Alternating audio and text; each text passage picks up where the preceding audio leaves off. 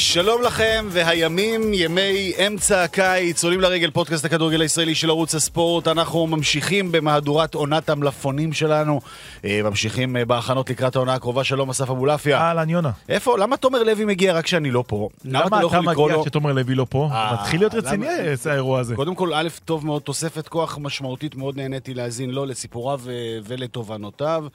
אה, ואני חושב שאני יכול להתעמת איתו על כמה אה, דברים אה, מעניינים, בדיוק כפי שאני עושה איתך, אז אני מבקש, טוב, בשבוע הבא אני לא נמצא, אז תומר יהיה. תומר יהיה, אבל אני רוצה ש... אני רוצה, אני רוצה שנהיה ביחד. חצוי, זו הכוונה. אוקיי, בסדר, אז תדאג לזה. מה שלומך? אני בסדר. כן? איך אתה, איך אתה עובר את הימים האחרונים לפני שאנחנו מתחילים באמת להיכנס לקצב? בתכלס נכנסנו כבר בשבת שעברה, והשבת הזאת זה כבר ממש גביע הטוטו. לא, להגיד לא התגעגעתי זה, זה, לא, זה לא מתאים, אבל היה סבבה, היה אחלה קיץ, כאילו, היה רגוע. ו... לך היה. רגוע. אה? לך היה רגוע? כן, אבל תלוי באיזה מובן, באיזה, באיזה הקשר, באיזה, של, באיזה צד של החיים, אני יודע. אה, יש דברים מאוד אה, מדכאים, מפחידים, מלחיצים, אה, חופש גדול, אז זה ודאי תכף מגיע השלב הזה שכל הילדים בבית, בלי מסגרות, שזה גם שערורייה, אבל לא צריך לדון בזה עכשיו. צריך למצוא לזה הרבה מאוד אה, פתרונות. אה, בסדר, נגיע לזה, אבל בגדול, אה, בגדול הכל סבבה, ושמחתי מאוד. שבת, שבת הייתי בסמי עופר, חזרנו לראות כדורגל, חזרנו להרגיש את הדופק, היה, היה על הכיפאק. איך היו אנרגיות באמת? יוצאות מן הכלל. כן? יש את כל ענייני הפירוטכניקה וההשלכות שלהם, מהמם. שכפי שלכולנו ברור, זה נראה שהשנה אנחנו הולכים לשנה... קודם כל, נתחיל בזה, זאת אומרת, אנחנו לא, אנחנו לא, אנחנו לא מתייחסים למצב בחוץ, אולי רמזנו לזה פה באיזה עשירית משפט אה, בשלום שלום מה נשמע, אבל... אה, כן אי אפשר להתכחש לעובדה שבחוץ הכל הרבה הרבה יותר תוסס. זאת אומרת, וזו הגדרה גם... הכי עדין שלך בעולם. statement בעולם. כולם תוססים, מותססים, אה, קצרים יותר, עצבניים יותר, ו... בכדורגל, שבסופו של דבר הוא סוג של בבואה, מיקרוקוסמוס של החברה שלנו, אה, יכול אולי גם יהיה לבטא את, הצדדים הפחות אה, אה, נעימים שאנחנו חווים בעת הזו. אה, לא רק במובן הזה של דיקטטורה, אלא במובן הזה של, של? של, של, של, אתה יודע, פתיל קצר יותר, ואנרגיות שיכולות להוביל למקומות פחות נעימים. ולכן אולי הגיע הזמן לרפורמה משפטית גם אצלנו. כי... אני חושב שזו הטרגדיה, שרפורמה משפטית, טוב, למה אנחנו זה? בעולם, בעולם הרגיל. היא לא הייתה היא לא. הכרחית בכלל. אה, בעולם הספורטיבי, היא זועקת לשמיים. בתי הדין אה, פועלים על פי תקנון, שאותו, מזמן, היה כבר צריך לשנות. כי עושה רושם שבעונה הזאת אנחנו הולכים למצב שבו, מאחר שהורידו את עונשי הרדיוס ללא קהל, שזה גם מבורך, מבורך. אבל אין להם משהו אחר בשק ובחבילה של אה, העונשים, מהמם. זה יוביל לכך שהשנה אנחנו נראה ככל הנראה, בהנחה לא... בהנחה מושכלת, הרבה מאוד עונשי הפחתת נקודות. 14 קבוצות בליגת העל, 7 עם עונש על תנאי, או שהורידו להם כבר. זאת אומרת, ביתר כבר הורידו, ויש לה גם על תנאי, ביתר יש לה את כל החבילה כמובן. מכבי חיפה, אני לא רואה קונסטלציה שלא מורידים להם נקודות, ואני לא אומר את זה כי אני רוצה שיורידו להם נקודות, אני לא... פשוט, עוד פעם, התקנון הזה, התקנון המחורבן הזה מסנדל את כולם. והפועל תל אביב פותחת עם, גם, גם, גם אה, בפועל אה, יציאים ריקים וגם מינוס נקודות, מכבי תל אביב מינוס נקודות, אשדוד מינוס נקודות, אה, סכנין מינוס נקודה לדעתי, שבע קבוצות מתוך 14. עכשיו, אם אתה, אם, אם, אם לעונה הזאת אנחנו הולכים, שגם ככה הכל דלוק, עוד יוסיפו עוד קיסם למדורה, ועוד יכניסו עוד יותר את האווירה מסביב, ועל אחת כמה וכמה שיכול להיות תוכרע וימשיך. אלופה על השולחן הירוק. אלופה, יורדות, מקומות. בפלייאוף. לא, לא, ברגע שאתה מפחית פה נקודות, והליגה הזאת מתחילה בהפחתת נקודות, אתה יודע שדברים יוכרעו לו על הדשא. עכשיו, הם עושים את זה, אה, זו החלטה שהתקבלה בעיניים פקוחות. שוב אני אומר, ברגע שהוצא, ובצדק, ניסה לעונשים, המשחק, קטע של רדיוס בלי קהל, משחק בלי קהל, אה, ולא, הוא שם אה, אפקט או משהו אחר במקום, אז אתה מצטמצם לכדי אה, או משחק רדיוס גיאוגרפי, או הפחתת נקודות, זהו. אה, והעניין הזה צריך להיות מטופל, העניין הזה צריך להיות, אה, וכמובן צריך להיות מטופל גם בגזרת בתי הדין, אבל אתה יודע מה, גם, גם המועדונים. שלא- ש- שלא עושים כלום. שיש כאלו שעושים, לא עושים מספיק. כלום, לא עושים כלום בשני מובנים. אחד, לא עושים כלום במה שבאמת הכי קל עבורם, שזה לשנות את התקנון. הרי מה יותר פשוט מלהתכנס, בטח ראשי הקבוצות הגדולות, ולהודיע, אנחנו מובילים את הדבר הזה, והקבוצות הקטנות במקרה הזה יזרמו איתם, זה לא, סיפור, אה, נכון. זה לא סיפורים אחרים שבהם אתה רואה איזושהי דורסנות של הגדול והחזק כלפי הקטן והחלש, במקרה הזה זה משרת את כולם. קונצנזוס מוחלט, כן. בדיוק, אה, כולם יישרו קו, אבל אף אחד לא עושה עם שום, שום דבר. והדבר השני, שמרבית הגדולים והדומיננטיים, לא מרבית, אבל חלקם גם לא עושים שום דבר מול הקהל שלהם בלפתור את העניין הזה, אה, בלטפל בעניין הזה. יש את הצד, הצד, הצד, הצד ה- הכי נורא והבעייתי, ולפעמים הבלתי נמנע הוא בתביעות אישיות כלפי הקהל הסורר, והצד ההכרחי, החשוב, החיובי, המתבקש, שלא נעשה, שוב, לא מצד כולם, אבל על ידי חלק אה, של עבודה חינוכית, תרבותית, מול הקהל של לנקות אה, מופעים אה, בעייתיים וכאלו שאינם חוקיים אה, מהיציע, אבל... לא בזה נוקפים אצבע מספקת, ולא בזה נוקפים אצבע מספקת. שוב, אני מדבר פה בהכללות, וכך... אה, אה, אה, אה, יותר, לא. יש, יש מועדונים ש, שמתלכלכים בהאשמות שלא להם, אבל נראה לי שמי דבר, דבר שמבין. מי שמבין יודע. דבר בהכללות. אה, מי שמבין יודע, ו... ו... ואנחנו לפחות, כאוהדי כדורגל, כאנשים שנמצאים שם ב... ביציעים, אה, אתה במשחקי חוץ אה, ביציע הרגיל, אני גם משחקי בית, גם משחקי חוץ מתי שמתאפשר ביציע עם, עם החברים שלנו, אה, להעביר מסר חד משמעי, אה, כבר הכנסתם פירוטכניקה, אל תזרקו לדשא, אל תזרקו לדשא, אל תזרקו על אנשים אחרים. הדלקתם, כבר הבאתם פירוטכניקה, אה, תשאירו אותה אצלכם ביד עד שהיא מתפוגגת, לא. עד שהיא נגמרת. אלימות, לא. גזענות, בשום פנים ואופן לא. הומופוביה, כל הדברים האלה, בלי, בלי. תעודדו את הקבוצה, תקניטו את היריבה, בואו נשמור על אנרגיה, תנסו, תנסו, אל, אל תייצרו חיכוך עם, עם אוהדים ממחנות אחרים. בואו נשמור את האנרגיות הרעות לעולמות האחרים ונשמור את הכדורגל אה, נקי מהזוהמה. כל מילה, כל מילה, ואני לא רואה פתרון, וזה מפחיד. מדאיג מאוד ומפחיד מאוד, כי אוי ואבוי אם אלופה תיקבע פה בגלל שיורידו נקודות לפה ולפה, בטח שאנחנו הולכים אה, לא, לא, זה הולך לשם, כאילו אין פה. לא, לא, אלופה, יורדות, פלייאוף, כמובן. עולות, כל הליגה תוכרע. אירופה, כן, כן, כן, כל הליגה תוכרע כתוצאה מהדבר הזה. נורא ואיום. אז אתה יודע, כל היום שואלים, יופי, אתם אומרים את זה ואומרים את זה ואומרים את זה, אבל מה אתם מציעים במקום? אז עד שלא משנים את התקנון, האמת, אתה יודע, להגיד לך משהו, רדיוס, תעשו רדיוסים, נו, מה אני אגיד לך? זה נורא. קל? לא, קודם כל המילה רדיוס זה להוציא את כן, הקבוצה, כן, אוקיי, לא, לא. המינוח המדויק זה משחק בלי קהל ורדיוס. רדיוס, אתה יודע, זה נורא ואיום, אבל אם מכבי חיפה, אוהדי מכבי חיפה למשל, סתם, תן דוגמה, יעברו לבלומפילד פעם, פעמיים, שלוש, יגידו, אוקיי, אולי באיזשהו שלב, אולי הגיע הזמן שגם אנחנו, כי זה עונש, בוא, זה עונש, במקום רבע שעה מהבית, צריך לנסוע לתל אביב, באמצע שבוע, בפקקים, וחניה, ואבו ג'רה, זה, זה עונש. ולקחת אוהדי בית"ר ולשים אותם בחיפה. עכשיו, אני לא בעד זה חס וחלילה, אבל אם זה עוד, זה עוד הפחתת נקודות, אז לפחות הרע במיעוטו. הנה, הפועל למשל, הפועל תל אביב נענשה ברדיוסים, נסעו לסמי עופר. ובואנה, זה מבאס, היה לנו משחק נגד מכבי נתניה. זה לא מנע את ההישנות ה... קודם כל. באו פחות, לא, בסדר, אה, באו פחות, אבל זה לא-. זה לא הפסיק את המופעים והפח- המיותרים של... אה, והפחתת נקודות הפסיקו. אה? מכבי חיפה כבר הודיעו, אוהדי מכבי חיפה הרי, הקופים כבר הודיעו, אם יורידו נקודות, אנחנו נמשיך לפירוטכניקה בגלל המחאה המוצדקת, דרך אגב. מוביל, מול אלימות המשטרה. אז- זה מוביל- באמת לנקודה הכי משמעותית בסופו של דבר, וזה, אתה יודע, שוב, בראש ובראשונה המועדונים צריכים לפעול, אה, ו- וכמובן לפעול זה אומר להידבר ולמצוא פתרונות מול הקהלים שלהם, ולא פחות חשוב מזה, צריכים המוסדות הרשמיים, קרי התאחדות מנהלת, להתנתק מתפיסת העולם המיושנת ובעיקר המנותקת והמתנשאת שלהם, ולהבין שהיום הדרך אה, לפתור תופעות מהסוג הזה, ובכלל להבין איך כדורגל עובד ב-2023, זה להביא אל כל המקומות, אל כל הצמתים המרכזיים, אוהדים ונציגי אוהדים ונציגי עמותות אוהדים ונציגי ארגוני אוהדים, ויש כאלו ארגונים שהם גם יציגים, שיש להם את הסמכות והלגיטימציה לדבר בשם אה, רבים ובשם כולם, ו... ו... ולשנות את הדבר הזה. אתה מבין איזה הזיה זה שמכנסים אירוע לבדיקת האלימות, ב... אפילו סתם, בגמר גביע, ולא לא יושב, רק שהרב פקד זה, והכוח כיבוי, והנציג של זה. איפה הקורבנות של האירוע? אלו שנגיד לא הצליחו להיכנס ועמדו בפקקים לפני ולא הצליחו לרכוש, לא לאסוף את הכרטיס שלהם או מה שזה לא יהיה. אה, איפה? איפה? עד שלא תכניסו אוהדים לכל המקומות המרכזיים ולא רק עסקונה אה, ומקורבים, אז גם הדברים הללו לא, לא ייפתרו, ועצימת העיניים הזאת מצד הגופים הרשמיים היא, היא מאוד מאוד בעייתית. ושוב, וגם היא, היא צעד נוסף לה- לעומת ה... ש- שבא אחרי הקבוצות שעוצמות עין מול הבעיות אצלן בבית. אין מה לעשות. אה, ברק אברמוב אה, משקיע המון בביתר השנה, חייב, אה, חייב להתעסק עם הקהל שלו. המינסברגים אה, אני חושב שהם מנסים לשנות סטנדרטים בהפועל תל אביב, אי אפשר לחלוק על זה. מהמם. צריכים להתעמת עם הקהל שלהם ו- ולהידבר עם הקהל שלהם.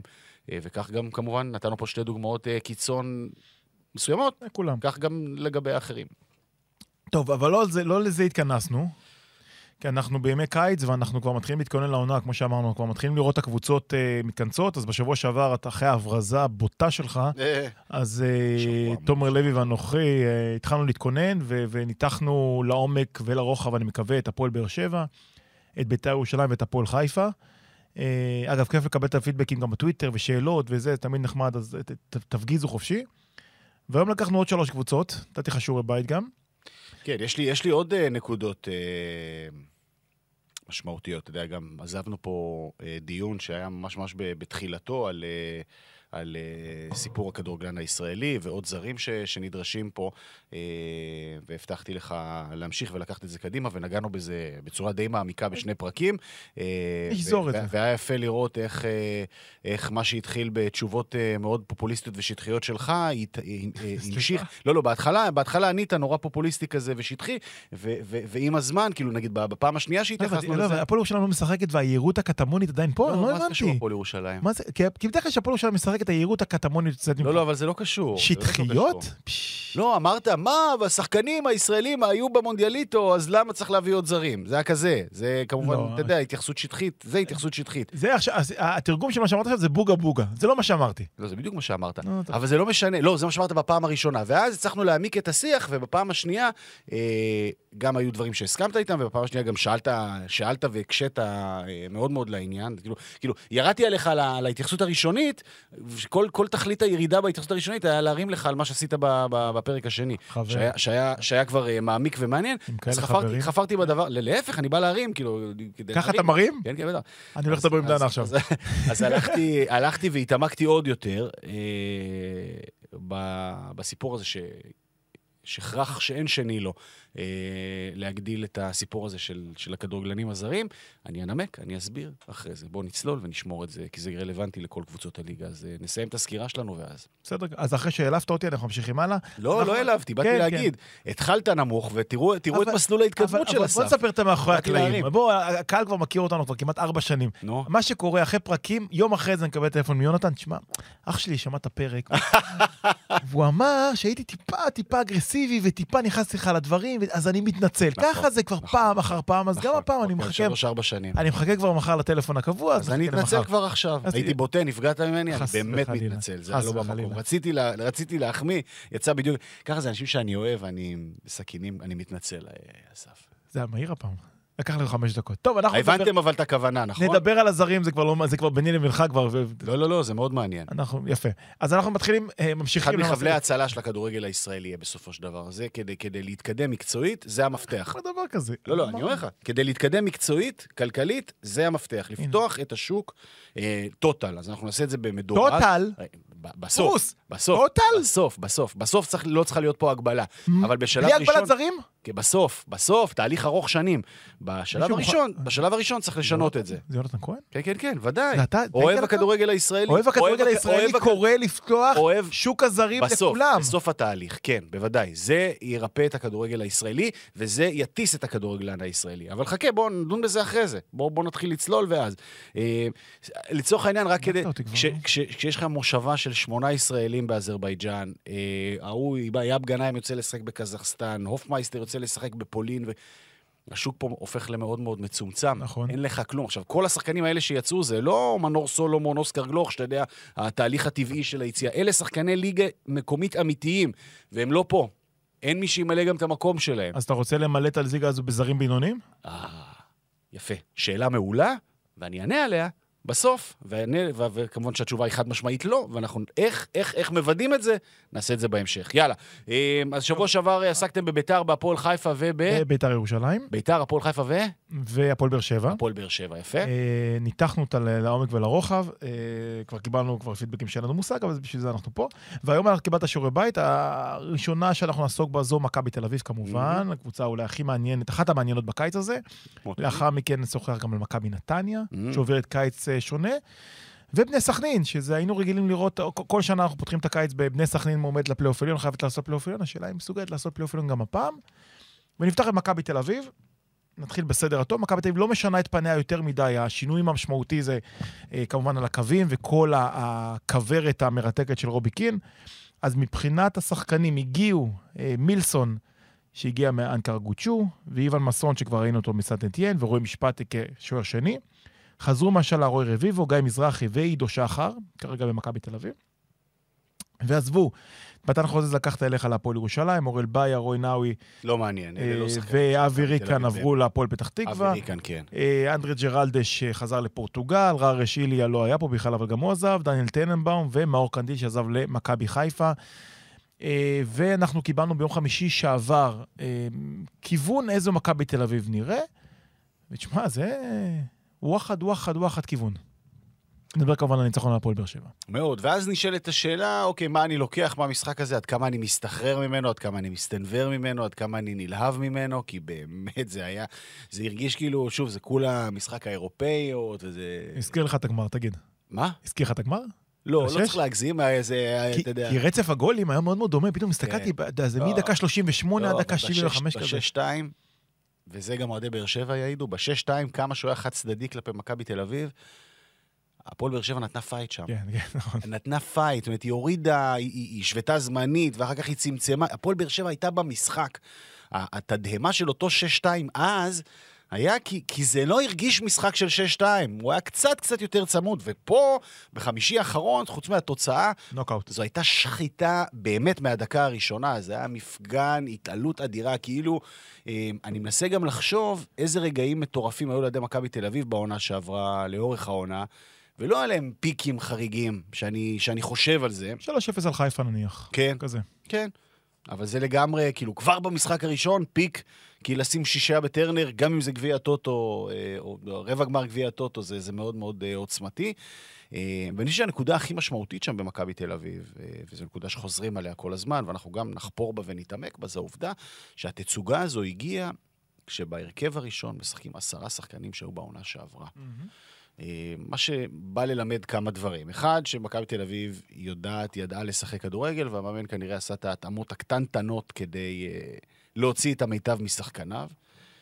שתיים, שמשהו חיכה שם להתפרץ הרבה מאוד זמן, וכנראה שהיו שם כל מיני מעצורים uh, מקצועיים, מנטליים, בין אישיים, ש- שלא אפשרו לדבר הזה להתפרץ קודם. אה, ושלוש, זה מעיד באמת על, על הפוטנציאל הגדול שיש מכבי תל אביב, ובעיקר מעיד על העובדה שבכדורגל, כמה שאנשים לא אוהבים את המילה הזאת, תהליכים ודברים שמתבשלים לאורך זמן, הם חלק בלתי נפרד מהסיפור. זאת אומרת, יש מצב שמכבי תל אביב, של העונה שעברה, לא הייתה מסוגלת לעשות את מה שעשתה, נגיד בחמישי, אה, אלא הייתה צריכה לעבור, לעבור איזושהי דרך, ולטעות, ולמצוא את הכיוון המדויק, ולמצוא את ההתאמות המדויקות. אה, ושוב, ועדיין זה משחק ראשון, נכון. בסופו של דבר המבחן האמיתי שלה אה, יגיע עכשיו, ב, ב... צריך לעשות שלב בתים באירופה, שוב בכפוף להגרלה. חייבת. אה, והיא חייבת להיאבק על האליפות עד הסוף, לא כמו בעונה שעברה. חייבת. אה, אבל זה מאוד מאוד מעניין, כי גם הוא צריך להגיע רכש, כן? הקבוצה לא, לא, לא שלמה במובן הזה. פיצ'ף, בהתאם לשינויים. זאת אומרת... קודם כל, המסקנה העיקרית, עוד פעם, לא לקחתי את ה-6-1 כמסקנה. אוקיי, באמת שם את זה כרגע בצד, כי זה, זה באמת גביע הטוטו. אבל אני ראיתי מכבי תל אביב לוחצת כמו שהיא לוחצה מימיה. אתה, אתה, אתה אומר לעצמך, אמצע יולי, חום אימים, שזה משמעותי, והם לוחצים כמו מטורפים, וראינו מכבי תל אביב לוחצים כאילו אנחנו, אתה יודע, זה ברמה של לפתוח את הלוח שנה לראות שאתה לא בפברואר. זה כושר זה הזכיר של... לי, אתה יודע מה זה הזכיר לי? זה הזכיר לי את מכבי חיפה של תחילת עונה שעברה. אוקיי. אה, של ברק בכר, של, שקבוצה שעשתה בסוף שלב בתים בליגת אלופות. אני לא משווה ברמה המקצועית, אני, אין לי את הכלים להשוות, אבל אני כן יכול להשוות ברמת ה... הטכניקה של, ה, של הפעלת הלחץ. מכבי חיפה בעונה שעברה, קודם כל הסגל שלה היה מוכן כבר עוד לפני טרום העונה. נכון. ואני זוכר גם באלוף האלופים נגד הפועל באר שבע, וגם במשחקים שלה נגד אולימפיאקוס, גם בבית, גם בחוץ, בטח כוכב האדום אחרי, אבל בעיקר אולימפיאקוס, ו- ו- ו- ולפני זה היה להם את הקפריסאים, שמכבי חיפה הגיעה התפוצצה במשחקים הראשונים שלה. והמבחן של מכבי תל אביב עכשיו בחמישי ב- בליגה האירופית, יהיה לראות האם באמת הלחץ האדיר שהופעל נגד באר שבע הוא באמת אה, ס- אה, משהו סגנוני שילווה אותה באופן קבוע, ואז זה באמת יזכיר את מכבי חיפה, mm-hmm. שהייתה מכריעה משחקים תוך חצי שעה. אתה זוכר? כן, כן. ו... ו... או שזה היה איזשהו מופע חד פעמי, הפוטנציאל קיים. פוטנציאל קיים. כמה מסקנות ראשונות שאנחנו מנסים ככה לדלות. אה, קודם כל, איוון מסון, המגן שהגיע מצרפת, אם אפשר להקיש עליו, עוד פעם, במשחק הראשון, ומה שראינו ממנו ומה שקראנו ועשינו, מגן התקפי מאוד מאוד איכותי. אה, ההתקפה זה החלק החזק שלו, פחות ההגנה, אבל כשאתה משחק במכבי תל אביב, אפשר לספור על יד אחת את המשחקים שאתה צריך באמת במגן הימני שלך בהגנה חזק, ורואים אותו עולה ועולה ועולה ומשחק התקפי מאוד, ויהיה מעניין לראות את האגף הימני של מכבי תל אביב, כי הבעיה הכי גדולה של מכבי תל אביב הייתה כבר שנתיים, אין להם אגפים, אין להם אגפים, יש פקק באמצע, פקק באמצע, אנחנו מכירים את כל התרחישים. אז פה הפעם ראינו את מכבי תל אביב הרבה יותר מהירה, בטח באגף שלו, אה, שזה, אני חושב שזה מאוד משמעותי. השני, סופר משמעותי, זה, זה ילד שאתמול חג יום הולדת, ערן זהבי, בן 36. מזל טוב, ערן. מזל טוב עד 100 כ-20. אני חושב שגם רובי קין הבין מה שקרנקה סירב להבין, ושם אותו לבד בשפיץ. שם אותו לבד. כן. ערן זהבי לבד בשפיץ זה חלוץ אחר. עכשיו, אני לא... יובנוביץ' זה על, חלוץ על, אוקיי? דור תורג'מן פוטנציאל על, הם שניהם חלוצים אדירים. אבל כש, להוציא את המיטב מערן זהבי, אתה צריך להשאיר אותו לבד, אני חושב. אני לא יודע אם זה יחזיק לאורך זמן, אנחנו לא יודעים אם יובנוביץ' יישאר, ואם הוא, יישאר, הוא, לא, י- הוא לא יישאר, כי מכבי תל רוצה להתפטר ממנו בשביל לעשות איזשהו... מה- כמה לירות מהשנת חוזה שלו. הדיבור הוא שכן. זה, המק... זה הכוונה. אני חושב שערן זהבי צריך לשחק לבד. עם שלישייה חזקה מאחוריו, שתפעיל אותו, כי התנועה הזו, השער של העקב, זה שער, עזוב את העקב, אוקיי? העקב כעקב הוא מקסים, אבל זה שער של חלוץ גדול. והשחקן שהכי מסקרן אותי זה, זה חברנו מילסון שהגיע. שממה שאני מבין, מילסון יכול, בפוטנציאל שלו, יכול להיות השחקן להיות סטנלי קובס. סתם, נו. מינוס קובס. כן, לא. כמה, לא. כמה קילואים. כן. אה, יש לו פוטנציאל, בוא נגיד ככה, ברנדלי, ברנדלי קראו לו. ברנדלי, ברנדלי, לא. סליחה, מחילה, תמשיך, עצרתי אותך על שטויות, כן. אה, יש סיכוי שאנחנו נראה, בוא נגיד ככה, עם רוב הילדים שבאים לבלומפילד ויבואו לבלומפילד השנה הולכים עם החולצה של ערן, וואלה, עד כדי יכול כך. להיות שהוא יהיה השני. או-אה, כי הוא השחקן הזה שקונים חולצות שלו. או-אה. זאת אומרת, פנט... עוד פעם, לא, לא ראינו אותו כי הוא קצת פצוע. פנטזיסט, אה, מבריש, אומרים בשכונה אומרים מבריש, משחיל, עושה כל מיני שטיקים עם הכדור, מאוד מאוד, אה, אתה יודע, שובה את העין. אני לא יודע איך זה יתחבר, כי הוא סך הכל בן 23 והוא, והוא מאנגולה. אה, אני חושב שהוא יהיה יותר טוב מהשחקן האנגולי האחרון ששיחק פה, דולי מנגה כמובן, האגדי. יש לי סיפור על דולי מנגה מצחיק. עוד סיפור דולי מנגה? לא, לא, לא עוד סיפור, זה... במשפט, שלחתי את, שהוא חתם באשדוד, שלחתי כן. את גברי אליידו שלנו לעשות עליו כתבה. אמרתי, תשמע, איש מעניין. יש לו אבא, היה לו אבא בגנרל גנרל בצבא האנגולי, משהו הזיה. אז גברי בא לי, תשמע לי, תגיד לי, אחלה, אני אעשה איתו כתבה. איזה גולים אני אראה בכתבה הזאת? אין פה גולים, האיש הזה לא נותן גולים. אז מילסון ייתן, וייתן הרבה, אני חושב, והוא רכש מאוד מעניין. ועוד פעם, יותר מהכל, ודיברנו על זה ונגיד את זה עוד פעם, המעטפת של רובי קין, מצד אחד מאמן שעושה את צעדיו הראשונים כמאמן, מצד שני ראינו גם את התגובה שלהם לגרם סטק, שמגיע מאמן שאימן 20 שנה בלסטר, שאימן את קספר שמייקל, שעבד באמת במועדונים הכי גדולים באנגליה, מהמם. מגיע להיות היד, עוד יד ימין של רובי קין, ואני חושב שמכבי תל אביב עושה קיץ מאוד חכם, מאוד מדויק. אני לא אאמר עליה כאלופה עדיין, אבל אני אאמר עליה כלהיות שם עד הסוף קל. קל. קל. מאוד מעניין, מאוד uh, מתבקש, uh, זה ההכרח. Uh, יש, יש פה כוכבית של גוי, גויגון, אם יישאר, צריך להגיד את זה, וכוכבית שהופכת להיות סימן קריאה, סיפור סבורית. אני אגיד בזהירות? שהוא לא יקבל את האזרחות השנה. ואז מכבי תל אביב לא תוכל לשחק עם, ה... עם הנושא של הזר הנוסף, שזה מאוד משמעותי אם דניאל פרץ אכן ילך, כי אם דניאל פרץ הולך, אוקיי, מכבי צריכה להביא שוער. גם השפעתי שם, מעולה. כשוער ראשון, למה לא? למה לא? תסתכל על מה קורה ביריבות שלה, תסתכל מה קורה בליגה. במכבי חיפה היה מצוין. לא יודע. מכבי חיפה יש שוער יותר טוב ממשפטי כרגע לא, בשער? לא. אתה אומר, אתה אומר, אני לא אמרתי כלום. הפועל באר שבע יש שוער שהוא בוודאות יותר טוב ממשפטי? לפי הפרימיירה שלו, וואו לא. אז אה, לא יודע מה, אם כל כך רע משפטי שוער ראשון, גם מכבי תל אביב. שאלה, שאלה, הכל פה בסימני שאלה. צריך לזכור, הכל פה נאמר בשלב מאוד מאוד מוקדם של העונה. עוד אלמנט אה, שאסור לשכוח אותו, ואולי ביום חמישי באירופה נקבל איזה קצת, אה, איזושהי אינדיקציה מסוימת, אני שוב לא מכיר את היריבה, אני חושב שמישהו מכיר באמת את היריבה חוץ מאנשי מכבי תל אביב אולי, אה, על מנת לספק את המענה המוחלט לשאלה הזו. בכל מיני קבוצות וואטסאפ ו- ובדיונים השטחיים של הטוויטר וכאלה וזה, אנשים כותבים, ובמידה רבה צודקים. אה, אליפות לוקחים נגד הקבוצות שבאות להתבנקר מולך. אז לא להסתנוור משישייה מול הפועל באר שבע שמנסה לבוא לשחק כדורגל, לא להסתנוור אפילו מתוצאה טובה נגד מכבי חיפה, שברור שבאה לשחק מולך. הקושי האמיתי הוא במשחקים שבהם קבוצות יעמדו מול הקורצקים וה, והרפואות ו, ו, ואלו, והסילבסים, שבמקרה שלושתם לא מאמנים השנה אין בליגה. קורצקים, אבל אין קורצקים ואין ואין סילבסים. רפואות ו... וואו. כמובן, אני מתנצל בפני כל, כל אחד מהם הוא עולם ומלואו, והניסיון לחבר אותם למקשה אחת הוא, הוא, הוא, לא יפה, אז אני אתה יצרת מתנצל. רשימה של אויבים בפרק הזה. בטח, בטח, בטח לא סילבס שאני, שאני באמת מעריך אותו, גם אישית וגם מקצועית, וגם את האחרים אני מעריך אישית ומקצועית. אבל בכל מקרה, הכוונה הייתה, הכוונה הייתה, היה פה שיעור יפה של איך ליפול למלכודת שלא היה שום צורך ליפול בה. בכל מקרה, זה כמל מקודם. אה, אליפות- זה. אתה לוקח מול, בחניון האוטובוסים. כן. לשחק טוב מול מי שנותן לך לשחק ורוצה לשחק בעצמו, זה אתגר אדיר, זה, זה מושך אותך אל הקצה, אבל, אבל בסוף זה מספר מועט של נקודות. את התכלס אתה צריך לבוא ואיך אני מנפץ את העשרה שעומדים מאחורי קו הכדור. אה, וזה מבחן מעניין, אתגר מעניין למכבי תל אביב. שם נדרשת, אה, כמובן, גם היכולת האישית של השחקנים והביטחון העצמי שלהם באותו רגע, אבל גם, אתה יודע, כל הפורמט הזה של תבניות התקפה כאלו ואחרות, שם, שם, שם הן אמורות לבוא לידי ביטוי. שם יבוא לידי ביטוי הערך המוסף של אה, רוי קין, מעבר להיותו people manager, מה שנקרא... רובי. אה? רובי. וואי, זה, אני, אני. לא, אני לא מפסיק, אה? עוד פעם רוי קין? כן. אני אגיד, אני בטיקטוק, כל הזמן יוצאים לי קטעים של רוי קין. Mm. שאני מאוד אוהב, כי אני מאוד אוהב כדורגל אנגלי, מאוד אהבתי כדורגל אנגלי בשנים. רגע, כשחקן או כפרשן? איך אתה רואה אותו? אז אני מקבל אותו כפרשן בעיקר.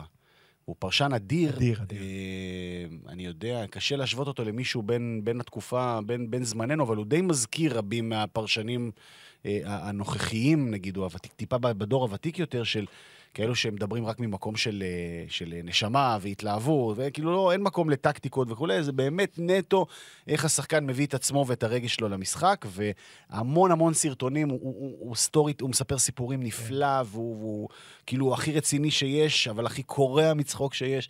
אה, ואני אני, מח- אני, כאילו כל הזמן רץ לי בטיקטוק סרטונים שלו. ואז כל פעם שאני בא להגיד רובי קין, יוצא לי רוי קין, אז אני מתנצל. רובי.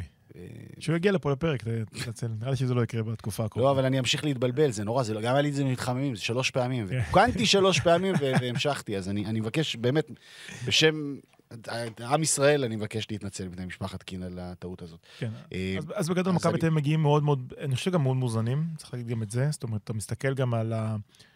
גיא מזרחי מגן ימני מחליף, אחלה מזרחי, אני חושב שמגן ימני נהדר. רוי רביבו, עוד פעם, שידרת אותו פעם אחר פעם, אני לא יודע אם הוא צריך- לא צריך להיות המגן הראשון. אז אני ראיתי אותו, גם שידרתי אותו במונדיאליטו, אבל גם ראיתי אותו משחק חצי עונה כשחקן הרכב בליגת העל, בקבוצת פלייאוף עליון בליגת העל, ואני אומר לך שהוא... אה, שהוא מגן פותח, מכבי תל אביב, אין לי ספק בכלל בעניין. זה אחלה דוידזאדה, וזה טוב שתהיה תחרות, ופה ושם רוטציה, כי יש גם אירופה וכאלה, או לפחות אני מאחל להם שתהיה אירופה, אבל רביבו הוא המגן הראשון, בלי ספק בכלל. בלי ספק בכלל.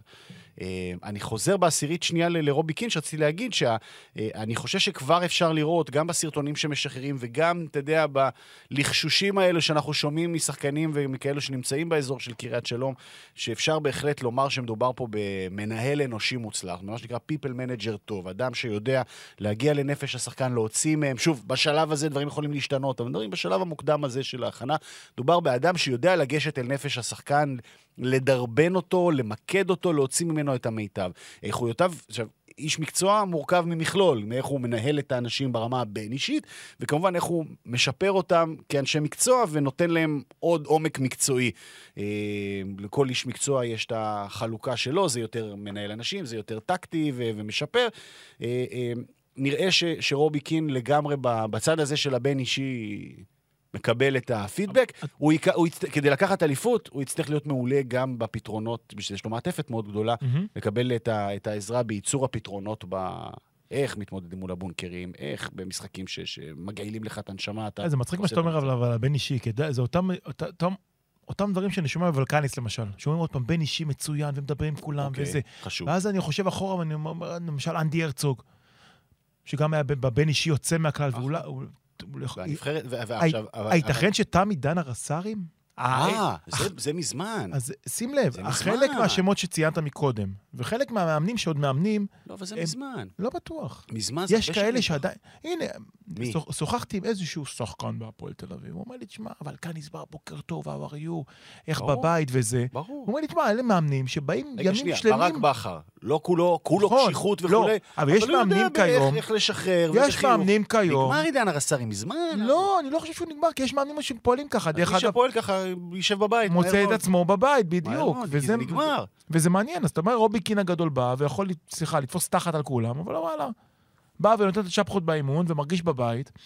מעניין. אה, הסיפור הוא שכנראה שבימים ההם, הרי שיטת הרס"ר עבדה, אה, הוכחה כמדויקת ונכונה והצליחה. קשטן, קשטן, קשטן. קשטן, גם שלמה היה כזה, כל הדור ההוא היה, ואני חושב שאברהם היה הראשון שאיכשהו טיפה ניפץ את, ה, את הרס"ריות הזאת באיזשהו מגע בין אישי. זה לא אומר שלהם לא היה מגע בין אישי, אבל השיטות פשוט היו אחרות ונכונות לאותה תקופה.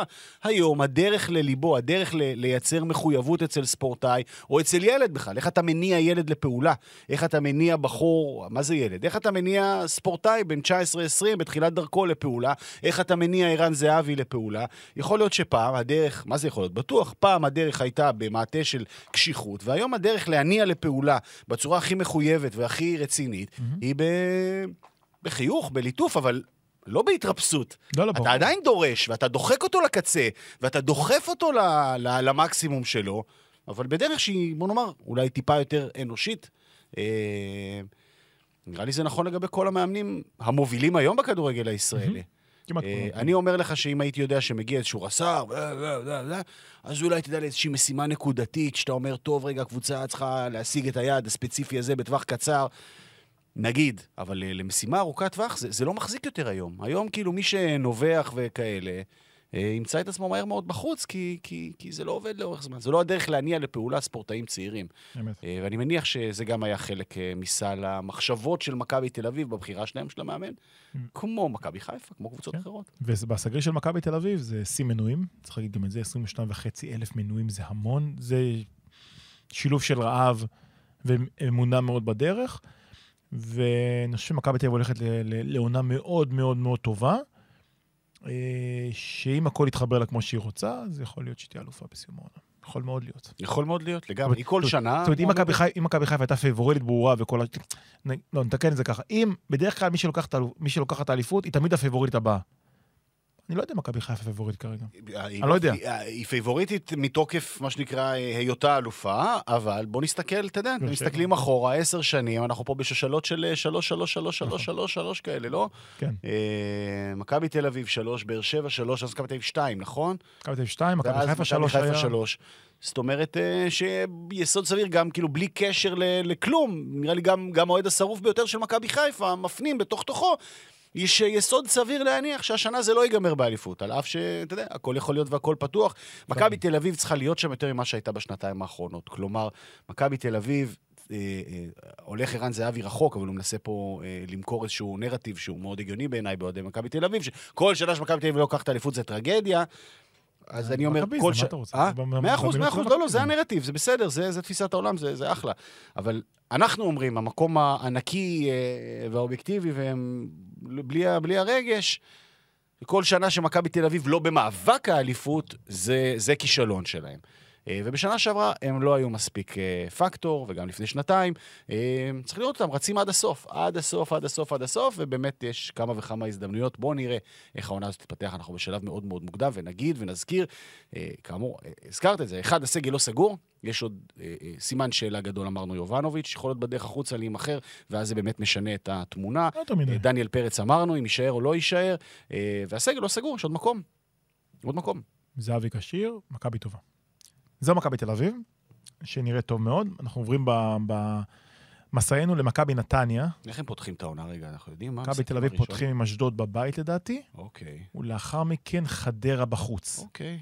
שנה שעברה גם היה להם חדרה בחוץ, אני חושב, מחזור חמש. שני. היה עם ריינה מחזור ראשון וחדרה מחזור שני, אז זה שתי יח- חמישיות יחס נתנו. שערים מפלצתי. נכון, אה, כן, מכבי תל פתחה מאוד מאוד טוב, אבל עזיביץ' רצה ללכת, בלה. נכון. ואז בלה. הכל התחיל... אה, ואז הכל התחיל להתמוטט, אבל אה, מכבי יכולה להיות מאוד שלמה עם הקיץ הזה, ובמשפט, אחלה רובי קין, באמת, אחלה. נחמד לשמוע אותו, נחמד לדבר איתו, אה, נחמד לשמוע את ה...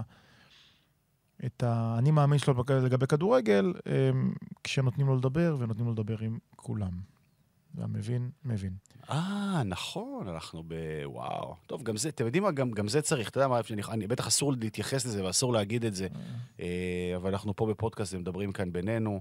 אני חושב שטוב תעשה מכבי תל אביב אם תרד מהעץ הזה של המלחמה שהיא נכנסה אליה. אה, אין, אין לזה שום צורך. א', אני מכבד מאוד, אתה זה שעובד איתם ברמה היומיומית, גם כראש מערכת בחדשות הם- ובכלל, הם לא ואת הם- הכתבים שלך. הם לא עובדים עם אף אחד כרגע. אה? מבחינתנו אנחנו פרסונה נון גרדה. אין בעיה, לא, אבל אתה רואה, אני רואה שלפחות שוב, כצרכן של, של התכנים שאתה אמון עליהם כ, כ, כבוס גדול, אני לא רואה כרגע, אה, זאת אומרת, אני כאילו אני אוהד מכבי תל אביב, או כצרכן תכנים של מכבי תל אביב, אני לא רואה שמשהו חסר לי או מפריע לי, מקבלים את התמונה המלאה. אה, ואני חושב שזה לא בריא מבחינת מכבי תל אביב לנהל מלחמה פומבית כזאת, אם זה, זה, אתה יודע מה, בלי קשר אפילו, אם זה לא היה ערוץ הספורט, היו בוחרים מישהו אחר להתלבש עליו. אין בזה, אין בזה, יש, יש, לא יודע, יכול להיות שיש משהו שחשוב להם להיאבק עליו, שהם מאמינים בו, שנעשה להם איזשהו עוול, אז שיאבקו עליו ויילחמו בו וינסו לפתור אותו. לא נראה לי שזו הדרך, זה... דיברנו על זה כבר, גם על הש... גם, אתה יודע מה, זה גם מתחבר לנקודות הראשונות. מישהו, מישהו יכול לפרש לא נכון גם את חלק מהמסרים שמעבירים החוצה ולעשות משהו אה, בדיוק. לא, לא מתאים ולא במקום, בטח בימים, כמו שאמרנו, מתוחים ומבעבעים כאלה. טוב יעשו מכבי תל אביב אם ירדו מהעניין הזה. שיתעקשו על מה שחשוב להם. שיתעקשו אם הם חושבים שנעשה להם איזשהו עוול, ש- שיעמדו עליו ולא יתפשרו. אבל uh, כל הפומביות של הדבר הזה, וכל ההחרמה וכאלה, זה יחזור אליהם כבומרנג, זה לא טוב. אני חושב. אני חושב, ושוב, אני אומר, שוב, אני מדבר על דעת עצמי, יש לי אפילו במידה רבה, אם מישהו היה חושב שיש לי, אה, שאני הולך להגיד איזשהו משהו, הוא היה מונע ממני להגיד כי לא צריך לדבר על זה, אבל זו עמדתי, ואני... אה, אמרתי אותה. נמשיך? כן, בטח, יאללה. אני לא רוצה, אני פשוט לא מרגיש נוח לדבר על הנושא הזה. לא, לא, לא, בסדר, בסדר, אני לא בטוח שהייתי. צריך אני בעצמי להיכנס לא, לזה, אבל נראה לי לא, לא, שהייתי אמרת- עדין ואלגנטי. הכי- חשוב שאף אחד לא יפרש את זה בצורה לא נכונה, וזה זה מה שמפחיד אותי. בדיוק. כאחד ששולח את הצוותים החוצה ומפעיל את הצוותים, זה מפחיד אותי. לגמרי. טוב, מכבי נתניה. היידה. היידה, מכבי נתניה, אה, בוא נעשה ככה, סך הכל גם כמו מכבי תל אביב עוברת קיץ די רגוע אתה יחסית, חושב? כ- אני לא מסכים. נכון לשנייה זו. אה, הגיעו למכבי נתניה, בר כהן חתם ממכבי תל אה, חת- הגיע ממכבי תל אביב אתמול, אה, איתי בן שבת מקריית שמונה, ג'ואל אבו חנה ומקסים פלקוצ'נקו, אלה השחקנים שהגיעו למכבי נתניה. חזרו מהשאלה רותם קלר ומתן לוי. עזבו את מכבי נתניה, אמיר ברקוביץ' למכבי פתח תקווה, איתמר ניצן למכבי חיפה, רז שלמה ללובן, ושי קונסטנטין לעירונית טבריה, שזה גם סיפור נחמד. אה, זו כרגע מכבי נתניה. מכבי נתניה עברה שנה שעברה, שנה מטלטלת, שנבנתה בצורה מושלמת עד לרגע השיא החגיגי המושלם מבחינתה, גמר גביע המדינה, ואז מגיע הפטיש מביתר ירושלים בהפסד הכאוב מאוד בגמר. נזכרתי מה קרה למכבי נתניה בפעם האחרונה שהפסידה גמר גביע באותו פנדל מפורסם של יובל אשכנזי. עונה אחרי זה סלובו ושי לא הצליחו לה- להחזיק את העסק הזה. מועדון כמו מכבי הם נתניה... מיהרו גם לחתוך אותם, הייתה שם אווירה לא נכון, טובה. נכון, אבל זה, זה, זה היה תחילת הסוף. הפנדל הזה של יובל אשכנזי זה היה כן. תחילת הסוף של החבר'ה במכבי נתניה. אני מאוד מקווה, וזו המשימה של רן קוז'וק, שהוא מאמן ותיק בליגת העל, מסתבר, הוא אחד הוותיקים כבר מליגת העל, יחס למי שמאמן, אה, שפותח עונה ראשונה, אה, זה לראות איך הטראומה, טראומת גמר הגביע, לא משליכה כרגע על מכבי נתניה. חדשותית, מעשית כרגע, מה שקורה, זלטנוביץ' ככל הנראה יעזוב. אה, פטריק טאומאסי כנראה יעזוב, שזה משהו ששם קצת אה, מקל בגלגלים של מכבי נתניה כרגע. אם הם נשארים, אין בכלל ספק, אבל אם הם עוזבים, אנחנו כבר תכף באוגוסט, ואלמוג כהן, שהוא איש הפתרונות, אחד הטובים בליגה שלנו לדעתי, יצטרך למצוא פתרונות בשלב יחסית מאוחר של ההכנה, ואני בטוח שזה לא אידיאלי מבחינתו. כבר זה הביאו בר כהן וכאלה וזה, כי חושבים על אה, תחליפים. נכון, אבל לא, בוא, שאתה מאבד כן, טאומאסי, זה משמעותי כן. מאוד. אתה יודע מה, טאומאסי, בוא נגיד דבר אחד. השם שלו זה פטריק צ'ומסי. צ'ומסי, נכון, נכון. ולא, לא, לא, אתה, לא טועה, אתה לא טועה כי זה השתרש כבר. אני, החריג, שאני מתעקש לקרוא לו בשם שלו כמו שהוא. אז בוא רק נגיד שבאנגלית גנאית TW, שזה שתי האותיות הראשונות שמרכיבות את שמו, זה צ'. ואז יש שם U, זה צ'ו, M, צ'ומסי. כך, כך, כך הוגים את שמו. אה, ולמרבה הפליאה, כששואלים אותו מהו שמו, אז הוא אומר, my name is Patrick צ'ומסי. עכשיו זה עדין כזה, אבל זה צ'ומסי, וכך הוגים את השם שלו, והשתרש פה טאוואמאסי, כמו שהרבה מאוד שמות, אה, כשמתרגמים או הוגים אותם כפי שהם נקראים. אה, אז אני, היה לי חשוב פה, לטובת מאזיננו, שלפעמים אה, שומעים אותי בשידורים, קורא לו ככה, ואומרים, רגע, למה הוא זה? אז אני, מה אני אעשה? אני, חשוב לי לקרוא לבן אדם כמו שהוא חשוב לו שיקראו לו, בצדק. על אף שזה לגמרי תאומאסי. בצדק. אה, אבל עושה רושם בדיוק כמו שאתה אומר, וסליחה שנכנסתי לפינה הזאת, שלא חושב שעוד יהיו הרבה הזדמנויות אה, לקרוא לו בשמו התקין, כי הוא בדרך החוצה, אה, זלטנוביץ' בכלל בדרך החוצה. וזה- זלטנוביץ' זה די ודאי, הוא קצת פחות, כי הבנתי שהם חיכו להרבה מאוד הצעות שהם חשבו שהגיעו להצעות יותר גבוהות, והם לא, כרגע הן לא מגיעות, אתה יודע מה, לא, אני לא אפול מהכיסא אם הוא כן יפתח את העונה במכבי נתניה. אוקיי, אני, אני יודע משם ש, שהחשיבה היא בחוץ. ואז אתה לוקח צ'ומסי, ואתה לוקח זלטנוביץ', ואתה לוקח איתמר ניצן, ואתה לוקח רז שלמה, פתאום אתה אומר, תשמע, יש פה אבדות בשדרה המרכזית של הקבוצה. מה שנקרא בשרירי הליבה, מהשער ועד למעלה, אמנם האמצע נשאר חזק, יש לנו גנדלמן, מאוד מאוד מאוד מאוד משמעותי, אה, איתן אזולאי שעשה קיץ לא רע עם אינו. הצעירות. הנה שכרגע אינו- נשאר, אני נזהר. אינו עוגן, עוגן שנשאר, אז נגיד מרכז המגרש של נתניה נותר אה, חזק כשהיה, מהחזקים בליגה. אה, או בוא נגיד לך, הח- החזק מבין קבוצות הליגה השנייה. אבל כן, נתניה בטופ של הליגה השנייה תמיד, אז... מהמם. אבל אז, אז אתה אומר, רגע, טוב, אוקיי, התקפה, צריך כנראה להרכיב התקפה מחדש בעצם. אם זלטנוביץ' ותומאסי עוזבים, לאו דווקא. צריך להרכיב התקפה חדשה. קודם כל, יש להם את בילנקי, כן, שממה שאני מבין עשה מחנה אימון יוצא מהכלל, זה מה כן. שמספרים. אגב, אתה יודע- כמה שילמו עליו? נו, 75 אלף יורו. אוקיי. אמרנו אלמוג כהן כבר? 75 אלף יורו, כסף קטן לחלוץ מאוד איכותי ב- נתניה בסטנדרטים משלמת על האלה. הרבה סכומים, נתניה משלמת הרבה מאוד כסף, אז אני לא, אני מדבר עליו ספציפית, כן? עכשיו, ממה שהבנתי במחנה אימון של נתניה, נתניה היא באמת כאילו top 4 בליגה מבחינת הכסף שהיא משקיעה. ברכש. גם אה? מוכרת. אה? היא גם מוכרת. כן, כן, כן, בוודאי, כן. בוודאי, בוודאי. אבל אה, בילנקי עשה מחנה אימון טוב, נכון. והוא עוגן משמעותי מאוד בחלק הקדמי, אני חושב, כי גם אם זרטנוביץ' אוקיי, הולך? יש להם את התשע הקלאסי שלהם, אז יש בילו אה, ויש בר כהן. שם עוז בילו. שעשה עונה נהדרת, אה, לירן רוטמן, אתה זוכר אותו שנפצע? אה, נכון. רוטמן חוזר. ואז בר כהן. ואתה אומר, יש פה שלושה פנטזיסטים כביכול, חבר'ה צעירים מאוד, בתחילת דרכם. לא קיבל- כולם, קיבלנו קצת את בילו, קצת ב- ב- בקיץ החולף. באמת. ראינו, הוא קצת. לא היה פקטור בנבחרת. כן, לא, כמחליף, אבל ראית כמה מהלכים, הוא שחקן. ראינו אותו בנתניה, בליגה. בנבחרת לדעתי הוא היה... כמחליף. לא התאים. לא התאים לנבחרת, לא היה מספיק טוב. כן, אבל אני כן חושב. שבנתניה הוא לגמרי, לגמרי פוטנציאל. יש לך טוב. אותו ואת רוטמן ובר כהן, ואז מן הסתם, ו- וזר מקוסטה ריקה שאמור להגיע. אה, נכון, שמרין המליץ עליו. אה, נכון. מרין תמיד ממליץ. נכון. אה, אני לא רוצה להגיד את השם שלו לא נכון, כי לא בדקתי כמו שצריך, אבל... זר מקוסטה ריקה? בסדר, כן. אוקיי, אבל יש כזה חלוץ. אבל הוא כביכול על העמדה של צ'ומסי, נכון. ואופציה לחלוץ, אוקיי? גם צעיר דרך אגב, גם 22-23 מקוסטה ריקה, אבל זרים מקוסטה ריקה תמיד מרגשים. ו... אבל יש אחמד סלמן. שאולי ואחמד סלמן מתחבר. כמובן, שצריך גם, גם הוא לפרוץ. זאת אומרת, הרבה שחקנים לפני, לפני פריצה, אבל הסימן שלה הגדול של נתניה, כמו שאמרת, סלע מאוד משמעותי בקישור, זה ההגנה. רז שלמה הולך, רז שלמה עשה עונה נהדרת במכבי נתניה, הולך ללובן, ומביאים את ג'ואל אבו חנה, שזה סוג של רוח רפאים. אתה יודע, יש איזה אגדה, שיש שחקן שקוראים לו ג'ואל אבו חנה, אפילו זומן לנבחרת. אפילו שיחק בנבחרת, גם שיחק בחו"ל. שיחק בחו"ל, אבל לא ראינו אותו באמת. כאילו, מבחינת בלם, זה אותו בלם כמו רז שלמה בסגנון, חזק, רגל שמאל, סימן שאלה. סימן שאלה. אגב, סימן שאלה, בקישור אבל... רק נזכיר גם את פקוצ'נקו. כן, נכון, גם מקסים לסגל. פקושנקו שם שהצטרף. גם. סימן שאלה, לא שחק הרבה מאוד זמן כדורגל אה, בדופק גבוה. אה, אם הוא טוב, הוא מהטובים ביותר שיש, אם לא, אז אה, פחות. אה, ואני מניח שבנתניה יודעים מה עושים וידעו איך, אה, איך, איך לעבוד קבוצה אותו, איך לעבוד. איתו ולהחזיר אותו. לעניינים. מאוד טכנית. Hmm? קבוצה מאוד טכנית. נכון. אה, ג'ואל אבו חנה, עליו נתניה הולכת של נתניה, ג'ואל אבו חנה זה חשיבה מחוץ לקופסה, מאוד מאוד יפה. יש פה אה, בקיץ הזה הרבה מאוד קבוצות שמחפשות בלמים, אה, ובדרך כלל ראינו, נגיד לאורך הקיץ, את אותו מאגר של שמות סביב כל הקבוצות, היה אורבלוריאן, והיה איתן טיבי, ובסוף כולם הלכו, אה, ואדי בראש. גוטליב. היה ראש בראש עם הפועל על אבו חנה.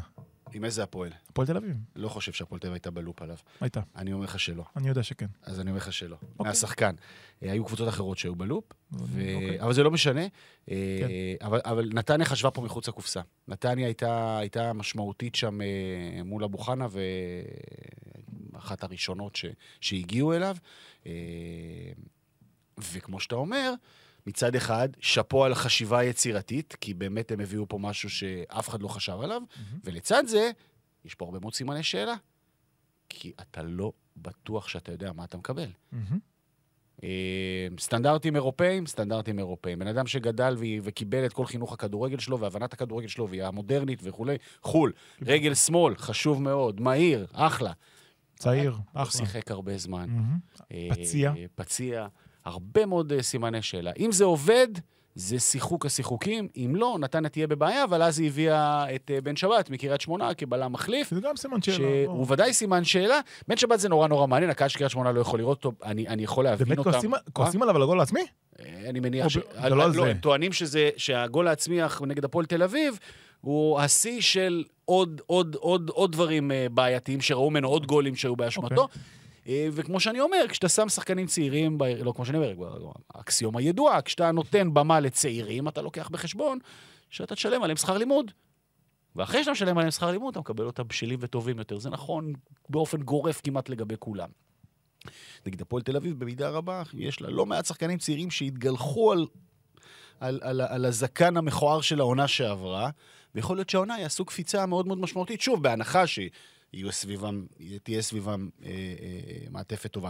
אז נתניה, סימן שאלה גדול אה, אה, זה לא- בהגנה, סימן שאלה עוד יותר גדול בשער. שער. אה, נגיד- ויתרו מהר מאוד על איתמר ניצן. אני רוצה להאמין שמי שמוותר בכזו מהירות יודע מה יש לו כתחליף. ראיתי את רז כרמי לא מעט פעמים בשער. פצוע לי- לא יפתח את העונה בכל מקרה. זאת אומרת, תומר צרפתי זה אוקיי. זה השוער הראשון של אוקיי. תחילת העונה של נתניה. אז אני אגיד רגע ברמת הרז כרמי רגע, עוד, עוד לפני, נראה לי בשל לגמרי לקבל את ההזדמנות להיות שוער ראשון, אני חושב. כבר- כבר כבר שיחק כשוער ראשון. זאת אומרת, כן. לדעתי תקופת, אפילו דמיאנמוס היה כן, לדעתי. כן, כן, באמת דני עמוס קצת החליפו ביניהם, והוא היה סבבה, ונראה נראה בשל, נראה מוכן לקבל את ההזדמנות. האם הוא מספיק טוב כדי להוביל קבוצת צמרת בליגת העל, כפי שנתניה רואה את עצמה, כפי שאנחנו תופסים ממנה? שאלה. תומר צרפתי, יש לו הופעה אחת במשחק אה, בוגרים בליגה, בפלייאוף, נתניה נתנה לו כמה דקות, אה, נגד הפועל ירושלים בטדי. אה, היה מצוין במשחק הזה. היה מצוין במונדיאליטו. החליף את אה, דניאל, היה באמת מצוין במונדיאליטו. נבחר ל... היחיד מנבחרת ישראל שנבחר לנבחרת הטורניר, צריך להגיד, תומר צרפתי, אה, לנבחרת של ה-11 של, ה- של המונדיאליטו. אה, ביורו אנדר 21, משחק אחד, החליף את דניאל פרץ בחצי הגמר אה, נגד נגד אנגליה. אנגליה. חסר אונים נראה שם, לא שופט אותו, מובן לחלוטין. לא, נכון? לא, לא נאשים לא, אותו. ברור שלא. אה, אבל עדיין, עונה ראשונה של כדורגלן בקבוצת בוגרים, קבוצה, עונה אמיתית ראשונה, זה אומר צריך לקחת בחשבון, שלם שכר לימוד, ואז ייבחן כמה הוא חזק, וכמה הוא יודע להתמודד, וכמה הקהל שם יהיה סבלני וידע להכיל, כי, כי אין מה לעשות. אה, בניגוד לחלוץ שאולי פה ושם יחמיץ, שוער כמעט ולא יכול לטעות, ושוער שעולה מהנוער ויש, בגיל כזה צעיר, לרוב יטעה. כמה הוא יטעה, זה כבר סימן השאלה. איך הוא יתמודד עם עם ימים פחות טובים, זה באמת עם סימן השאלה. מרכז הגנה שהוא סימן שאלה, צריך להגיד גם את זה. בדיוק. ושמעתי משפט מקסים שאייל סגל אמר, הוא אמר, אם אני לא אתן לו, אז מי ייתן לו? זה משפט מקסים מבחינתי. שבעלים בא וסומך ככה על שוער, זה, זה, זה, זה מאוד יפה. חשוב שישמור על הרוח הזאת גם בימים אולי פחות טובים שיהיו, וייתכנו שיהיו בימים פחות אני טובים. מאחל לתומר צרפתי, הכדורגל הישראלי צריך שוערים, צריך קצת את הדור הבא, שלא, לו, שלא, שלא יצא לו גלאזר. עומרי גלאזר פתח במכבי חיפה את הקריירה, והיה פשוט, שום דבר לא הלך לו, היה טעויות על גבי טעויות על גבי טעויות. הגיע מהפועל רעננה בזמנו, נכון. ואז הוא הלך לשקם את הקריירה בנס ציונה. ירד ליגה, גם היה הגיע נורא שם. להיות שוער שני בהפועל באר שבע, והדף מתחלף, הוא השוער הישראלי תהליך הכי בארץ. ההתגלחות של גלאזר ארכה כחמש עונות. בדיוק. זה לוקח זמן בטח נכון. לשוער, נכון. ולכן נתניה בקטע הזה מהמרת, אך עם זאת, אם אני מסתכל על כל הסגל של נתניה, אני רק, רק סוגר את אה. צרפתי במשפט, מהמעט שיצא לי להתרשם ממנו בבין אישי וב, ובעבודה שלו, כי הייתי באמת קרוב אליו חודש, אה, יחסית, חודש אה, בארגנטינה. נראה לי שהוא מהחומר המנטלי החזק מאוד. נראה לי בחור שיהיה מאוד קשה לערער אותו בכל הנוגע לביטחון העצמי שלו, גם בתקופות פחות טובות. בהיבט הזה, נתניה הולכת לקרב עם בחור שמגיע מוכן. נרוץ על ההרכב בקטנה של נתניה, בגדול, צרפתי בשער סלש כרמי, עידו וייר, כרם ג'אבר, מגן ימני, אבו חנה, גלבוב, בלמים, אה, אוהם או מגן שמאלי, אמצע כבר אמרת, גנדלמן ואינו. אה, אזולאי, ואיתן אזולאי, למעלה זה יהיה עוד פעם פתק תמואסי, אולי, בילנקי. אה, אילנקי בוודאות, בילנקי ודאות, ו- ו- והשמות שנקבנו, כרגע, עוד פעם, נכון לעכשיו, אנחנו, אל תדאג, אנחנו מבטיחים למאזינים שלנו, אנחנו- אנחנו נתבזה שבוע בפרק לפני הליגה, אבל של שנה שעברה. עשינו את זה נורא מוקדם. של השבוע לפני הליגה, אנחנו נתבזה, אבל כרגע מכבי נתניה מבחינתי הקבוצה מוכנה ביותר עדיין מבין שאר הליגה לאזור וואלה. המקום הרביעי, וואלה. כרגע. אוקיי. אה, כי אני חושב שנתניה, כן, מבוססת שם ב- ב- באזור של ה top 4 שלה. אה, אני לא יודע כרגע אם היא מספיק טובה להיות שם, אבל זה באמת שלב כל כך מוקדם, ובאמת שלא ראינו כלום. נגיד, הם פותחים את העונה אה, נגד ריינה, ויש להם בשבת, כבר ביום ראשון בעצם, אנחנו היום אה, מקליטים ביום רביעי, ביום מהמם. ראשון יש להם גביע טוטו נגד אה, חדרה. מהמם. אה, נתניה פוגשת חדרה בעונה, לדעתי, שתי- 12 פעם. כן, גביע. גביע טוטו לפחות. ותמיד, תמיד, מיש- תמיד באותו מגרש, תמיד. קבוע, קבוע, קבוע. סכנין, כן, סכנין. סכנין, בני סכנין, אז בני סכנין עוברת. וואי, אנחנו הרבה זמן, אה, הפרק אה, כבר מתארך, נכון? ועוד לא דיברנו על הנוער, ואני רואה שניצל מטוגן בשמן אני. רואה שאתה רעב. צהריים, אני רעב. אז נעשה את סכנין קצר ברשותך. כן. רבה. סכנין, קודם כל, סלובודן דראפיץ' על הקווים. מביאה את מופלח שלט תמי, בני ריינה, יואל אבוחצירא מכפר מחזירה. קאסם. מחזירה. כן. ניקולס האגן, שוער מגואטמלה. גואטמלה? הנפתח, אמת. כן.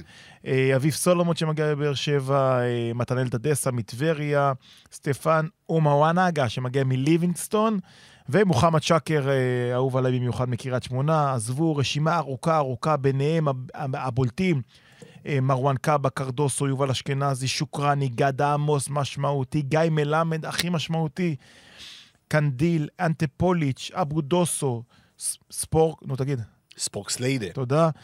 אה, זה ברשימה של העוזבים של, אה, זה כמובן פרדי פלומן שגם עזב. סכנין, לא הבנתי.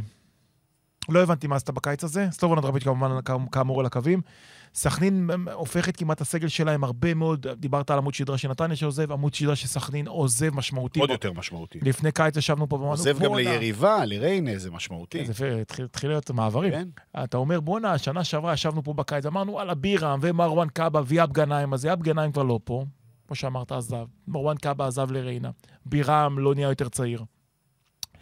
גיא מלמד, המוציא לפועל הכי טוב של בני סכנין בשנה שעברה, אה, גם הוא עוזב, הוא עוזב להפועל חיפה. ואני מסתכל בצורה, עכשיו, מה שאני מבין מאנשי סכנין, מאוד מאוד מאמינים בחבר שלך באסל חורי בעונה הקרובה, ובטאה. אה, כשחקנים. חורי זה ילד, אה, סיפור נהדר, לפעמים זה מתעתע קצת, אבל יש לך ילדים כאלה שאתה מכניס כמחליפים בשלבים לא משמעותיים. הבן אדם גמר עם איזה שלושה ארבעה גולים בעונה שעברה, נכון. וכולם ב... שלושה ארבעה גולים באיזה חמש הופעות. כל משחק שהוא שיחק הוא נתן גול בערך, מאוד מאמינים. אבל בהם. במשחקים חסרי משמעות, אחרי שהקבוצה כבר נשארה בליגה, שלא היה על מה לשחק וכאלה. אה, אבל מעניין, מעניין מאוד. מעניין, אז, אז ובראש ובראשונה, הכי, הכי מעניין, וזה בצד הצבעוני, זה השוער. האגד שמגיע משוער נבחרת גואטמלה. נגיד גואטמלה איננה מדינת כדורגל, מרכז אמריקה שם זה גואטמלה, שהיה משחק אימון נגד ישראל לפני איזה שלוש-ארבע נכון. שנים, אה, נגמר שבע או שמונה אפילו, זה באמת לא... אבל- לא אומר שהוא לא שחקן ולא שוער, אבל זו לא מדינת כדורגל. אז קודם כל, יש לו 140 אלף עוקבים באינסטגרם. וואו, עכשיו נהיה- סופרסטאר. נהיה דבר מאוד משעשע, שפוסטים שלו פתאום יש תגובות של כל מיני אנשים מסכנין, אז זה מאוד מצחיק. אה, עשה גביע הזהב טוב מאוד להבנתי. שוער, אני אגיד בזהירות, איכותי, שוער קו מצוין. אז פה סכנין מביאה, כמו שאמרת, לא ממדינת כדורגל, אבל על פניו, שוער שיכול להיות מעניין ולהחליף את ה- את צריך לראות איך הכפפות. מתאקלם, עם זרים זה גם... בדיוק, את. הכפפות המשמעותיות של גד עמוס, צריך להגיד שחצה את הכביש אה, לבני ריינה. וכמו שאמרתי, הקישור כבר לא אותו קישור, זאת אומרת, בירם קיאל נשאר שם לבד מהשילוש הגדול של שנה שעברה, ואלא אם כן בני סכנין מביאה כמה בינגואים זרים, אני לא רואה עונה מוצלחת במיוחד כרגע. הסימן, אה, סימן השאלה המשמעותי ביותר, עוד בטרם מפרקים את הסגל ויש הרבה מה לגעת בסגל, אז כמובן זהות המאמן. אה, שפותח את העונה מול הקבוצה שהוריד אותו ליגה בשנה שעברה. והוא כמעט הוריד אותו בעצמה. נכון. לא, הוא לא, הוא לא באמת היה כמעט הוריד את הליגה, כי הוא עזב שם אה, בשלב מאוד מאוד מוקדם ודי מהר, אבל בקבוצה, אני יכול להגיד, בקבוצה שהוא כשל בה בעונה שעברה, אה, קבוצה שהייתה קצרה איתו בעונה שעברה. זהו סלובודן דראפיץ', האם יממש את תיאוריית החץ הנוטה מטה של אסף אבולעפיה, שתיאוריה שדי גמרה פה קריירות למאמנים והתבררה כנכונה. אה, סלובודן דראפיץ', אחרי עונה מהרעות בקריירה שלו, אה, גם בבחירת המועדונים והעיתויים אליהם אה, הגיע, אה, גם מבחינת אה, אלמנטים קטנים של, אה, של מזל וקבלת החלטות תוך כדי תנועה. להגנתו ייאמר שכאן, בקבוצה הזו, בניגוד להפועל תל אביב ולקריית שמונה של שנה שעברה, באחת אה, הוא באמת, את הפועל תל אביב, הוא לא הצליח לשנות כלום, ו- ו- והיו מאוד קצרים איתו בעיניי, ולא אפשרו לו את חלון ההעברות כדי לחזק את הקבוצה, ו- והלך גם בוקסה, וכל הסיפור שם של ההתנהלות הכאוטית של העונה שעברה, שבסופו של דבר בנס הקבוצה נשארה בליגה, בזכות קריית שמונה שאליה דראפיץ' שלח, שהייתה גרועה יותר. אה, הפעם, ההג... להגנתו של דראפיץ', שאומר שהוא מגיע בשלב מאוד מאוד מוקדם, חתם רגע אחרי סיום העונה, אה, שותף להכנה, שותף מלא לבנייה, אה, וזה מאוד אה, משמעותי. אז תיאוריית החץ למטה תיבחן ותימדד. דראפיץ', כשמגיע לקבוצות ובונה אותן, מנסה לשחק כדורגל מאוד מאוד מאופיין, מאוד מאוד מוכר. קבוצה שלוחצת, לרוב מנסה לשחק יהלום, השאלה אם יש לו את הכלים לזה. לא וזה בטוח. אנחנו לא יודעים. לא מספיק אה, בטוח. שוב אנחנו אומרים, אמור להגיע, אמור להגיע חלוץ זר, כן, אבל עוד פעם, זה, עוד פעם חלוצים זרים, זה רולטה. לא יודעים איך סכנין עובדת. אה, סכנין, סכנין, סכנין אה, צריכה, צריכה לחשוב טוב אה, על, על, על, על האופן שבו היא עובדת, על, על, על, על, על גורלה ועל עתידה. אנחנו רואים יותר ויותר, ואתה יודע מה, אנחנו, את דיון הזרים וזה, אנחנו נשמור ל- לשבוע הבא. לא, לא, לא, לא. אה, לא, בטוח. כי, כי זמננו קצר והשניצל, אתה יודע, אבל, אבל אה? רבים, רבים שם, אה, נגיד, חלק גדול מהעניין שאנחנו מדברים בהקשר הזה של הזרים, זה שחושבים תמיד על, ה, על, על, על הדג שיוצא מהמים, ואתה, ולא, ולא על, על, על, על החכה שתמשה אותו ו, ו, ואיך, ואיך היא תעבוד ותתפקד. אה, אתה חושב על קצה הפירמידה ולא על הבסיס שלה. אתה חושב רק על השלב האחרון ולא על מה קודם לו. לא אתה, אסף אבולעפיה, אלא באופן כללי כמובן. וסכנין, לדעתי, חוטא... חוטאת אה, אה, גם בעניין הזה. לא מבינים את המהות של כדורגל ב-2023 ואת הצורך ביסודות אה, ובשורשים עמוקים. כל הזמן חושבים על הכאן ועכשיו, על לעשות קבוצה חזקה, זה יביא כבר את הכל. על לנצח עכשיו, וזה יביא את הכל. נביא מאמן, נביא כמה שחקנים, יתחבר, ואז דברים יעבדו. יש שם בעיות עמוקות, שורשיות, אה, שדורשות, אה, שדורשות פתרון. אה, וכרגע ריינה היא ודאי לא איום ברמה, ברמה ההגמונית, אה, גם אם היא תסיים לפניה בטבלה, אה, אבל לאורך זמן בריינה מניחים יסודות, על אף שאין שם באמת שורשים ויסודות, ובסכנין חושבים רק על הכאן ועכשיו. זה אומר מהרמה של המצב בדוחה, מהרמה של התקשורת שלהם מול, מול הקהל, פעולות קהילתיות, מחלקת נוער. סכנין, אבו יונס עובד נהדר, עוזר המון, חושב המון, תורם המון, אבל חושב על הכאן ועכשיו, ולא, אין שם חשיבה ארוכת טווח. אני מאוד מקווה שאולי בהשערה של בירם, אה, שמבחינתי יש מצב טוב שאולי, בסופו של דבר הוא נשאר, וטוב שהוא נשאר כי הרבה מאוד שחקנים סביבו עזבו. אבל אם דווקא היו מצליחים לשמור על חלק מהעוגנים של העונה שעברה, אולי היה נכון לבירם לחשוב איך הוא כבר מתחיל לבנות את עצמו לתפקיד הבא. שצריך להיות המנהל המקצועי של, אה, המנהל הספורטיבי, סליחה, של בני סכנין, שיביא את הניסיון ואת הידע שלו מחו"ל על מנת ל, ל, ל, ל, ל, להפוך את סכנין לבאמת מה שהיא יכולה להיות. וסכנין צריכה להיות חלק אינטגרלי מהפלייאוף העליון. זאת אומרת, אם יש לנו שלוש גדולות ונתניה, אה, וביתר הפועל תל אביב בפוטנציה, אז סכנין צריכה להיות שם. זאת אומרת, אלה בפוטנציה, ביתר הפועל תל אביב זה תלוי עונה, כי, כי העסק שם כאוטי, אולי עכשיו דברים שם השתנו עם הבעלים החדשים בשני המועדונים הללו. יש לך שלוש ראשונות ונתניה, סכנין צריכה להיות שם, קבוע. יש לה את האמצעים להיות שם, אבל אין לה את, ה, את, ה, את. התפיסה הניהולית. החכה. אה? אין לה את החכה. בדיוק. בדיוק. היא יכולה, היא, היא, היא תתפוס את הדג בידיים, יסתדר לה. ובירם צריך להיות האיש שיבנה את היסודות האלה, שיזיז את אבו יונס ואנשיו הצידה, יגיד להם, רבותיי, אתם נותנים לי את הכלים, אני זה שעושה את העסק. אה, וכל עוד זה לא קורה, סכנין, סכנין תתקשה. אה, כרגע, יש מצב טוב שסכנין אה, תסתבך השנה. אני מסכים איתך. אני מסכים איתך. אבל מה אנחנו יודעים? אנחנו לא יודעים עדיין, אבל... אנחנו לא יודעים כלום. מהחיים שלנו. נכון, אנחנו סתם ממציאים, ו- וסלובו, תשמע, זה- כואב הלב, כי אין מועדון פחות סבלני מסכנין. לא, לא יודע, תחת, אה, בירם האצבע פחות. בוא נאמר ככה, בעונה שעברה- פיטורים של סילבס עלו לפלייאוף עליון לדעתי. אם סילבס היה אה, אני לא נשאר, חושב, הם היו גרועים ממש עם סילבס. לא הם משנה, היו גרועים, הם ו- עשו וסילבס. יודע את זה. שום דבר לא הלך לו בעונה שעברה. נקודות. אה, אני חושב שהם אפילו במידה רבה חיכו עם הפיטורים שלו יותר, וסכנין, ואני אומר לך שוב, אני חושב שפה זה באמת אה, קרדיט לדעתי. אני לא יודע אם זה באופן ישיר, אבל בתחושה שלי לבירם, שמנסה שם להרגיע את הרוחות, אני חושב שמאז שבירם קיאל הגיע, נחסכו פיטורים של שלושה, ארבעה מאמנים לפחות בסכנין. הייתה איזושהי יציבות מסוימת. קובי רפואה בשנה שעברה, אוקיי? אני לא יודע אם לא בירם קיאל, אבל אם סכנין, אם לא סכנין, כאילו, סכנין הקלאסית הייתה מפטרת אותו אחרי שבועיים. מהמם. היה שם, מה זה שמן מים? חוסר התאמה מובהק. אתה רואה את הבן אדם סובל מכל רגע, ואתה רואה את המועדון לא יכול לשאת את הבן אדם מינה, שהם מינו. והוא סיים את תפקידו עד סוף העונה. היה שם באמת איפוק והכלה הדדית, אגב. גם קובי וגם סכנין, הכלה הדדית של הסיטואציה, זה היה יכול להיגמר אחרי שבועיים. אז פה הם החזיקו. כשהרבה מחכים בתחנת האוטובוס, לא בטוח שזה יהיה גם הפעם. תחנת אוטובוס מפוצצת כן, באנשים במי, שמחכים. במי, כולם היו כבר בסכנין. היו, אז זה כולם מה שקורה, אבל זה מה. שקורה, יונה, נו, אתה כאילו אה, חדש לא. אז מה יהיה? מה יביאו? מסתכלים עוד פעם, מסתכלים, אה, אה, אה, מרקו בלבול, אבל הוא כן, לא בא אף מרקו, פעם. תמיד מרקו, מרקו הוא לא לעד יהיה. מועמד. אבל הוא לא בא אף פעם. מרקו. טוב, ועכשיו, זה זה היה סכנין, אני מסכים איתך לתחזיות הפסימיות היחסיות, אבל כרגיל, עוד מוקדם, עוד מוקדם. עוד מוקדם? כאמור, נגיד. בשבת אה, נגד הפועל חיפה, גיא מלמד מול אה, הקבוצה. שבה... יחגוג? יחגוג? אם הוא יכבוש?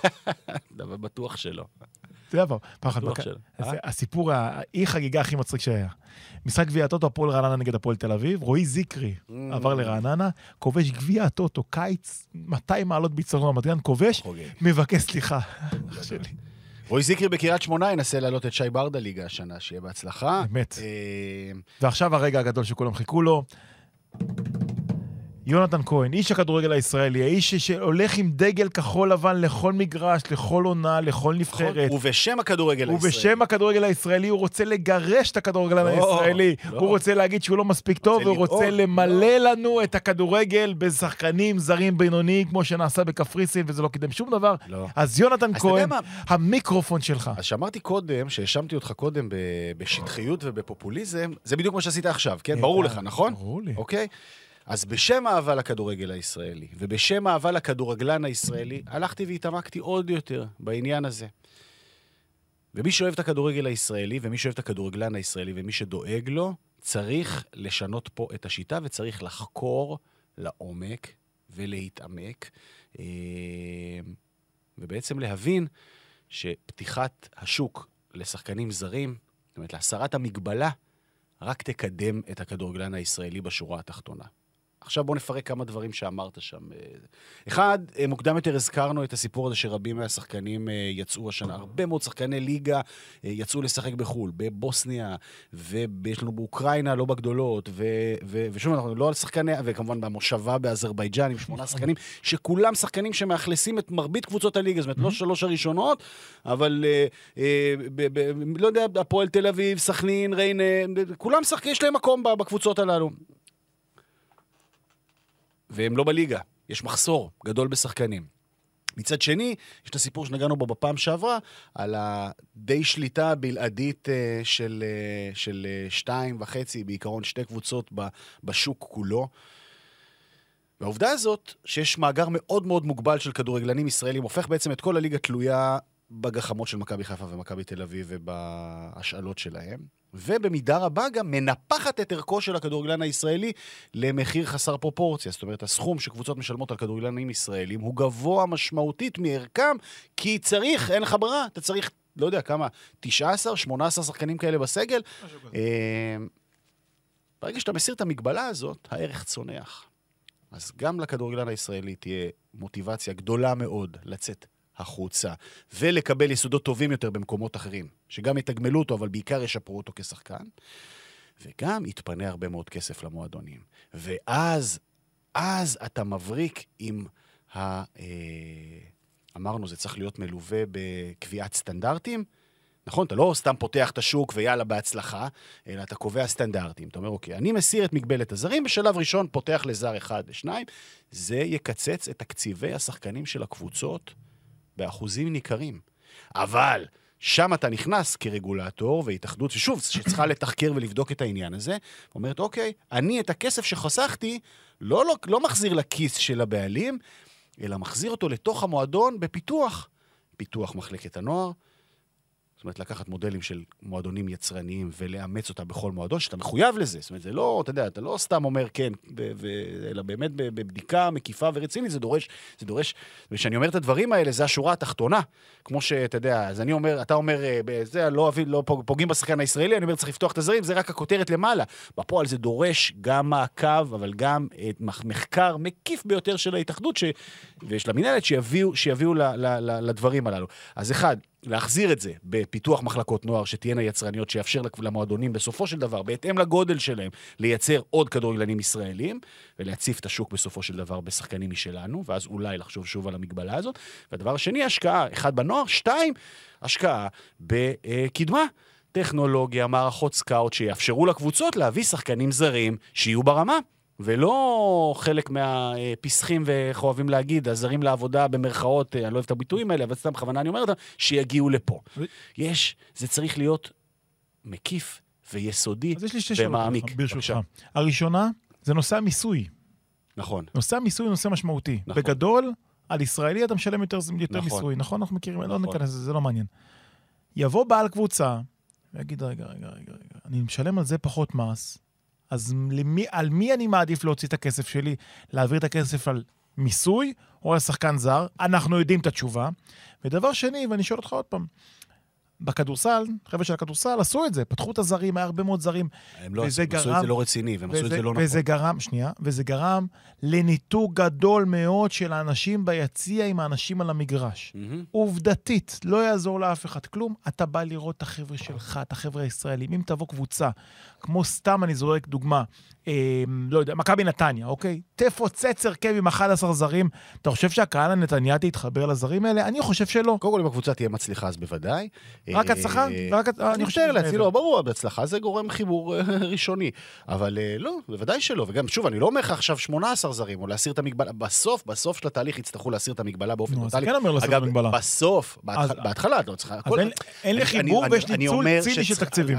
אסף, אני אומר שצריכה להיעשות פה עבודה מקיפה, ארוכת טווח, עם תחנות בדרך, עם מחקר מקיף ומעמיק ועם מגבלות, אוקיי? שאתה אומר, אני קובע קריטריונים. בסופו של דבר, כל הכדורגל העולמי הולך לשם, כל הכדורגל המצליח עובד בדרך הזו, ואני אפתיע אותך. נכון, תמיד אתה משתמש בדוגמה של קפריסין שריסק שם. אתה יודע שנבחרת קפריסין, שעל פניו הייתה אמורה להיפגע הכי משמעותית מהעניין הזה, שאין שם... אגב, אגב, קפריסין חלק מהאיחוד האירופי, אז... אז, אז, אז ברור, סתם, אז- הרבה יותר קל להביא. ברור. קפריסין, הנבחרת בנבחרת בדירוג פיפא, התקדמה בעשור האחרון. כמה שזה נשמע לנו הזוי, היא התקדמה, היא הסירה את המגבלות והיא התקדמה. אז דוגמת קפריסין, וכמובן מדינה קטנטנה, קרובה אלינו, אבל קטנה מאיתנו משמעותית. אה, גם מייצרת מועדונים שבאופן אה, קבוע משחקים בשלבי בתים של אה, מפעלים אירופיים. בוא נתעמק בזה עוד בהמשך. אולי גם, אתה יודע, אולי גם נביא אורחים לטובת העניין הזה בהמשך. רבותיי, לא לפחד מהדבר הזה, זה לטובת, הכד... צריך להגדיל את הזרים, זה לטובת הכדורגלן הישראלי, זה לטובת הכדורגל הישראלי, זה יחסוך כסף שיחזור בחזרה לתוך המועדונים, מתוך כוונה לקבוע סטנדרטים ולשפר גם את מחלקות הנוער וגם את מחלקות הסקאוט וגיוס השחקנים. אל תתפתו לפופוליזם, ומי שבאמת מפחד, שלא ידאג, כי אין פה באמת תהליכי עומק, לא בכדורגל, לא בפוליטיקה, לא בחברה שלנו, ולכן הדבר הזה לא יקרה לעולם, אבל נקווה לטוב. רק אגיד שאני לא מסכים איתך בעליל, אני חושב שישה זרים זה... לא, אתה טועה, אתה טועה. ברור שאני אתה- טועה, אתה כי אני טועה לא כי לא. התעמקת בזה. אז אני התעמקתי קצת, אה, ואפילו סיפרתי לך על עבודת הסמינריון שאני עשיתי בנושא הזה, בפעם שעברה, אם אתה זוכר, על נושא הכדורסל, זה משמעותי מה לעשות. כי הכדורסל אה, עשו הכל הפוך. בסדר גמור, שישה זרים זה מעל ומעבר, נושא של חיבור למועדון, לשורשים, למסורת, ל- לנשיקה של הסמל, זה דבר שלפחות מבחינתי, אליי מדבר הרבה יותר מאיזשהו זר שחושב שהוא בא לפה על תקן תחנת רכבת, ויותר מהכל. הסרת אתה המגבלה, לדבר אתה על- תייצר את כל הדברים האלה. אתה יכול לדבר על קריטריונים. כמה שאתה רוצה, אין פה קריטריונים של, של בחירת זרים, כי להוציא את מכבי חיפה, למשל, מכבי תל אביב, הפועל באר שבע, מכבי נתניה, שעובדות חכם עם זרים, אתה. כל השאר, אתה טועה. הסוכנים מנהלים את אתה הכדורגל, אתה אתה. ולא, מה- אתה טועה. ו- ולא גופו- גופי ה scouting למיניהם. אתה. ואוי לנו ליום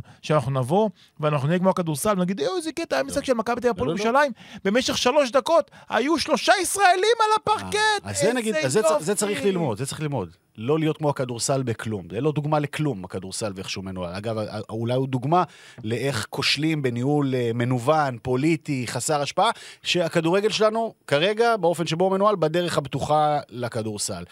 אני מדבר פה על תהליכי עומק, מבוססי מחקר וידע גדולות. מעמיק. זה כותרות פומפוזיות. לא, הכותר, הכותרת. הפומפוזית זה להגיד, אה, אה, זרים אה, יהרסו את הכדורגלן הישראלי. לא זה כותרת לא פומפוזית. כזה. נהיה קפריסין. אתה אמרת את זה בתחילת הדיון. לא, לא אבל אמרתי, לא, לא אני נפתח אמרתי- את זה. אני אני, אני מדבר פה על, על באמת על תהליך עמוק. הכל פרופורציות, כי בסופו של דבר, אם יבוא שחקן כמו רוי רביבו, ולא יהיה לו מקום, כי יש 400 זרים במכבי תל אביב, ואז הוא צריך להיפלט לכל מיני ריינה וחדרה והפועל למה ירושלים? זה למה לא מספיק ייפלט? טוב. יצא משם לחו"ל, יצא ישר לחו"ל, הכל בסדר. אז מה אנחנו רוצים? ליגה ש... אה, אה, לא. איפה החיבור שלך? אתה הרי הבן אדם הכי שורשי והכי ישראלי שיש. נכון. אני מאמין, אתה- אני אתה- מאמין, ב- אני מאמין לגמרי במחלקת. הנוער היצרנית של המועדון שלי, שתייצר אבל לא יהיה מקום לבוגרים. בוודאי שיהיה מקום. הוא יעלה לבוגרים ולא יהיה מספיק מקום. בוודאי כי שיהיה לו המקומות מקום. נתפסו לא. על ידי כל מיני נוודים שהגיעו לפה לא, לשנה. לא, לא, לא, לא, אתה תרוויח עליהם כסף, יהיה לך עוד, לא, בכלל לא, יהיה מקום. וסוף סוף. השליטה, אה, אתה באמת לא מבין, כי אתה לא מתאבק. במחשבה. אני מתעמק אז מאוד. אני מבקש שתקשיב לפודקאסט ותקשיב שוב למה שאמרתי, ואנחנו גם נפתח את זה עוד בהמשך. אני חושב שאולי גם יהיה נכון לפתוח את זה לדיון קצת יותר מעמיק, להביא לפה אה, אה, אורחים עם דעה מעמיקה לפה ולשם. זה דורש, כל הזמן אני אומר מהרגע הראשון, כשהולכים לפופוליזם, זה אוטומטית יורד מהשולחן. כשהולכים ומתעמקים בנתונים, במספרים אה, ובצרכים של השוק, ומה קורה במדינות כדורגל אה, ברמה שלנו וברמה אחרת, אוקיי, צריך ללמוד את הנושא הזה. לטובת הכדורגלן הישראלי. זה היה הפרק של אה, עולים לרגל, אה, אפילו לא, איזה מספר אנחנו כבר הגענו ל-140? לא, 130 והרבה? 140 ותראה 150 כבר. די, נו. נו, מה אתה... אני פה, אתה לא אה, בא. נכון, נכון, אני נכון, עובד נכון. בניגוד אליך. גם בשבוע הבא אני לא לא. אהיה פה, ותומר לוי יהיה כאן, אנחנו נמשיך לזכור את הליגה. אה, בלי הפועל ירושלים והפועל תל אביב, בבקשה. זה אני מחכה לפרק מיוחד. עם תומר לוי גם. עם תומר לוי. ותומר לוי מכיר את הפועל ירושלים יותר טוב ממה שאתה מכיר את הפועל ירושלים. תודה לכל האנשים היקרים פה מאחורי הזכוכית שהזינו לנו אה, זמן ממושך, לאביב ובבליקי ועוד, ולערד. תודה שהייתם איתנו, אנחנו נהיה כאן גם בשבוע הבא, אבו. אני אהיה פה בשבוע הבא, אתה שוב תבריז פעם אחר פעם.